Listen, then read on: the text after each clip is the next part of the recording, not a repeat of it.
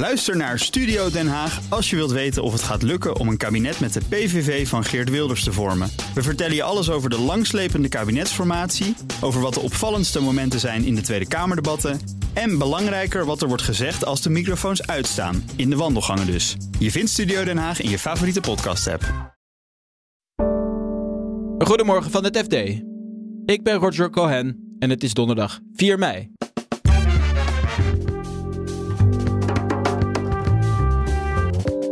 Twee grote pensioenfondsen bundelen de krachten om in vastgoed te beleggen.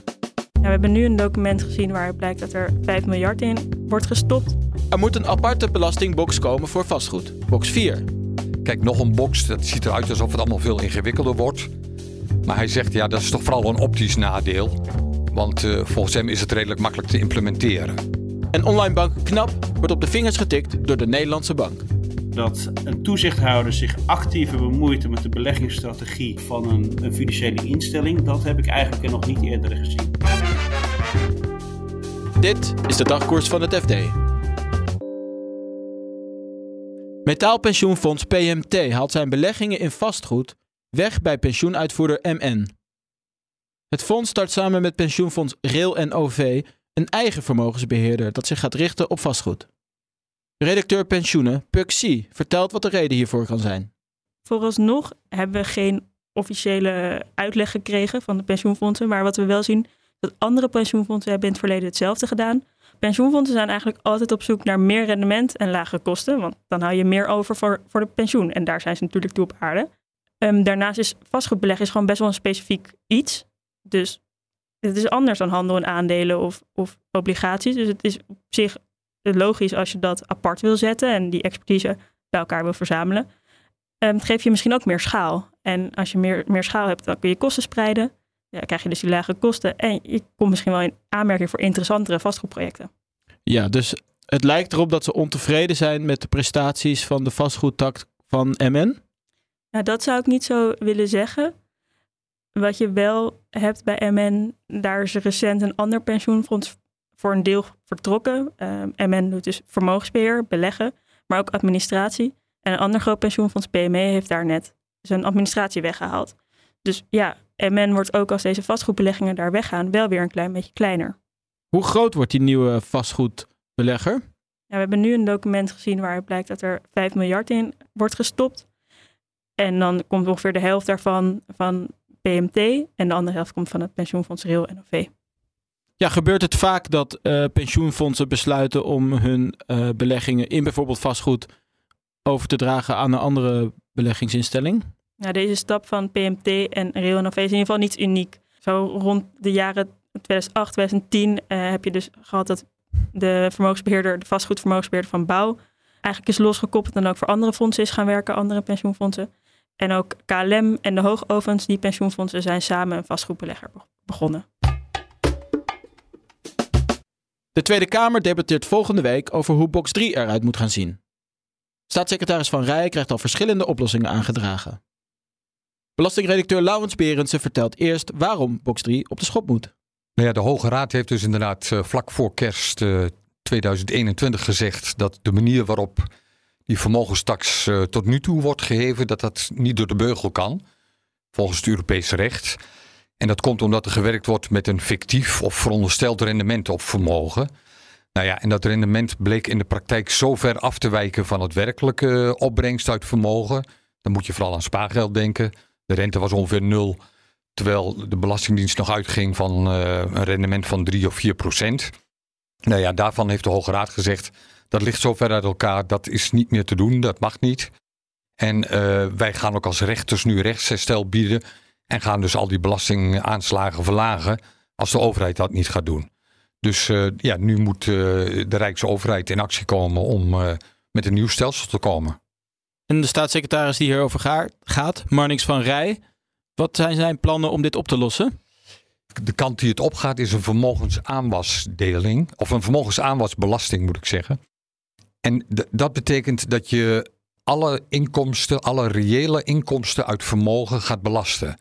En dat zijn directe inkomsten, zoals uh, rente die je krijgt op een banktegoed, uh, dividenden die je krijgt over aandelen, huur die je krijgt eh, over een huis, over vastgoed. Plus de waardestijging van het onderliggende vermogen. Dus als een koers van een aandeel flink omhoog gaat, moet je daar ook belasting over betalen. Of als de prijzen van huizen stijgen, moet je ook daar belasting over betalen. En blijft vastgoed dan ook in box 3? Zo'n aanwasbelasting, zo'n vermogensaanwasbelasting is een probleem voor vastgoed. Want op de eerste plaats, ja, kijk, vastgoed is natuurlijk heel divers. Het zijn wel vaak woningen, maar je hebt ook eh, bedrijfspanden die onder vastgoed vallen. En ook een stuk grond valt onder vastgoed. Plus, je ziet ook in de prijsontwikkeling van vastgoed, eh, anders dan een aandeel, dat is op iedere beurs in principe hetzelfde waard. En je hebt één aandeel met één koers. Maar goed, het vastgoed in, in, in Zeeland kan zich heel anders ontwikkelen, de prijs dan vastgoed in Amsterdam. Dus die waarde van vastgoed en de ontwikkeling daarin is heel divers. En dat, dat maakt het lastig om, om, om daar één uh, bepaald percentage op te prikken. En om telkens die waarde weer opnieuw te moeten vaststellen. En dus ook het bedrag waarover belasting moet worden geheven. Dat is één probleem dat je met vastgoed hebt. Een ander probleem is dat, nou ja, stel dat je een uh, recreatiewoning hebt. Je hebt één recreatiewoning. Je hebt verder niet al te veel geld en ook niet een heel hoog inkomen. Maar dan gaat opeens uh, de waarde van, uh, van jouw recreatie, van jouw tweede woning, gaat gigantisch omhoog. Ja, dan moet je daar belasting over betalen. Maar je hebt het geld helemaal niet voor die belasting. Nou ja, kijk, als je nou een aandelenportefeuille hebt, dan zeg je van, nou ja, ik heb 100 aandelen, ik verkoop er 10 en daar betaal ik dan mijn belasting van. Maar je kunt niet uh, de helft van je recreatiewoning verkopen en zeggen, daar betaal ik mijn belasting van. Dus je krijgt ook een liquiditeitsprobleem. Nou, dat zijn twee grote problemen die je dus hebt bij zo'n vermogensaanwasbelasting voor, uh, voor vastgoed. Ja, en jij schrijft dus over meerdere oplossingen die nu worden aangedragen. Kun je daar wat over vertellen? Ja, zeker. Ja, er is een uh, hoogleraar vastgoed, uh, Tom Berkhout. En die stelt voor om vastgoed als echt het moeilijke punt in die vermogensaanwasbelasting, om die maar te isoleren in een nieuwe box, in box 4 van de inkomstenbelasting. Nog dus dan, een box? Nog een box, ja. Dan parkeer je het daar en hij zegt wel van ja, kijk, nog een box, dat ziet eruit alsof het allemaal veel ingewikkelder wordt. Maar hij zegt ja, dat is toch vooral een optisch nadeel. Want uh, volgens hem is het redelijk makkelijk te implementeren. Of dat het gaat halen, dat moeten we natuurlijk afwachten. Dat ligt ook aan hoe de politiek daar naar kijkt. Maar dat het duidelijk een probleem is, blijkt wel. Want Mannix van Rij heeft vorige week aan de Tweede Kamer laten weten dat hij gaat onderzoeken of uh, vastgoed wat nu in box 3 zit, of dat niet overgeheveld kan worden naar box 1. In box 1 daar zit al de eigen woning. Maar volgens Van Rij zou het ook wel kansrijk zijn om daar ook inkomen uit ander soort vastgoed. Dus de tweede woning, de huurpandjes, dat soort dingen te belasten. Dus maar dat is wel een mogelijkheid die nog verder moet worden uitgewerkt. Hebben we nog één verdergaande suggestie die vandaag gedaan is door het register Belastingadviseurs. Dat is de beroepsorganisatie van adviseurs die vooral actief zijn voor het MKB, midden- en kleinbedrijf. En die zeggen eigenlijk, nou kijk, als we naar werkelijk rendement gaan en we gaan werkelijk rendement belasten bij vermogen, dan kun je beter box 3 helemaal afschaffen. En gewoon alle vermogensinkomsten en ook de waardeontwikkeling van vermogen allemaal gaan belasten in box 1. En een kleine afdeling van box 1 is het resultaat uit overige werkzaamheden en daar zou dat dan in ondergebracht kunnen worden. Nou ja, dat zou een hele ingrijpende operatie zijn. En daar zitten toch ook weer veel haken en ogen aan. Dus het is toch even afwachten hoe dat verder gaat.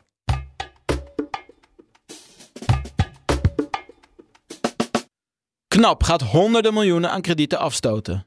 Dat doet de online bank onder druk van de toezichthouder DNB. Je hoort bankenredacteur Rutger Bedlem. Hij vertelt waarom Knap hiertoe wordt gedwongen. Knap heeft heel veel geld weggezet via online marktplaatsleners.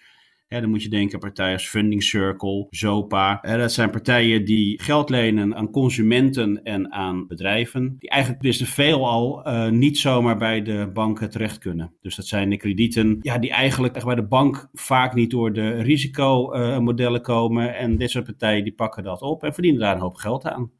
Ja, maar deze zijn wel risicovoller uh, voor KNAP dus ook.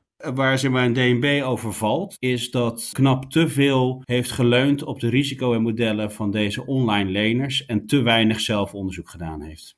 En wat was er uitgekomen als ze meer zelfonderzoek hadden gedaan? Ja, dat is altijd een goede vraag. Hè? Misschien, ja. uh, misschien zijn deze risico en modellen wel uh, fantastisch. Dat zou kunnen. Maar wat een DNB wil, een DNB die zegt als jij krediet verleent, dan wil ik ook dat jij dicht, dicht op die kredietenverlening zit. Dus een DNB beschouwt dit niet als indirecte kredieten, zoals KNAP zegt, maar beschouwt het als een directe krediet. Dus uh, KNAP kan die verantwoordelijkheid voor dat in de gaten houden van die leningen niet neerleggen bij die platforms. Precies. En komt het vaak voor dat DNB een bank zo hard op de vingers stikt? En zover als wij weten niet. Hè. Er gebeurt natuurlijk een heleboel in de achterkamertjes. Maar dat een toezichthouder zich actiever bemoeit met de beleggingsstrategie van een, een financiële instelling, dat heb ik eigenlijk nog niet eerder gezien. Ja, zou je het wel de beleggingsstrategie kunnen noemen? Het zit in ieder geval in de beleggingsportefeuille. Knap had best wel veel kapitaal op de balans, maar eigenlijk weinig plekken waar ze dat uh, het kapitaal weg konden zetten. Nou, wat gebeurt er dan? Egon, het moederbedrijf, zegt uh, ze hebben weinig risico in zich, maar ze leveren ook weinig op. Het zijn een beetje van die plain zeg maar, vanilla hypotheken.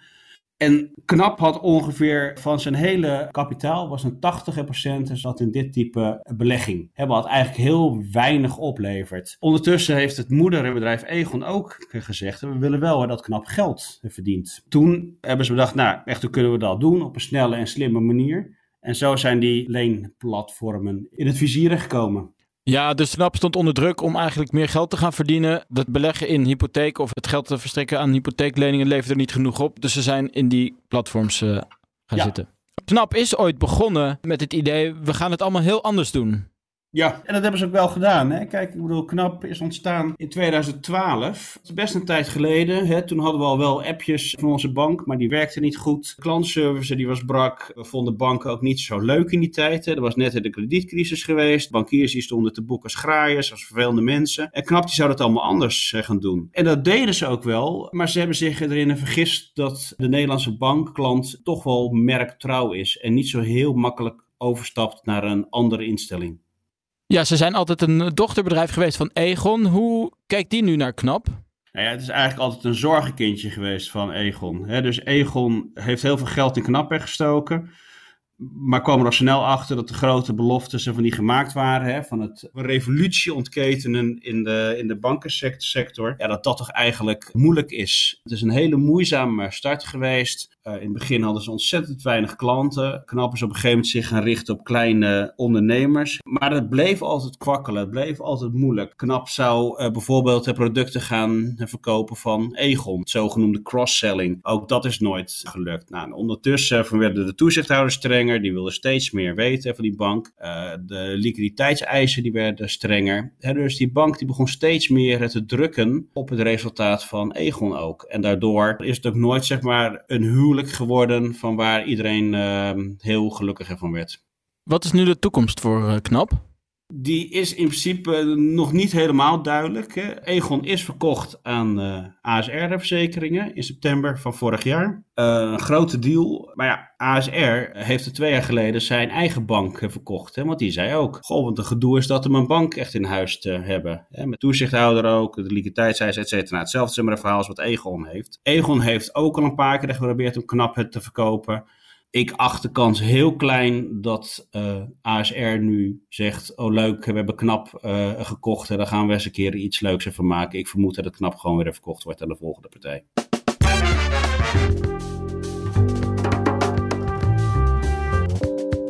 Dit was de dagkoers van het FD. Morgen zijn we er weer met een nieuwe aflevering. En ondertussen lees je het laatste financieel-economische nieuws in onze app. Voor nu een hele fijne dag en graag tot morgen.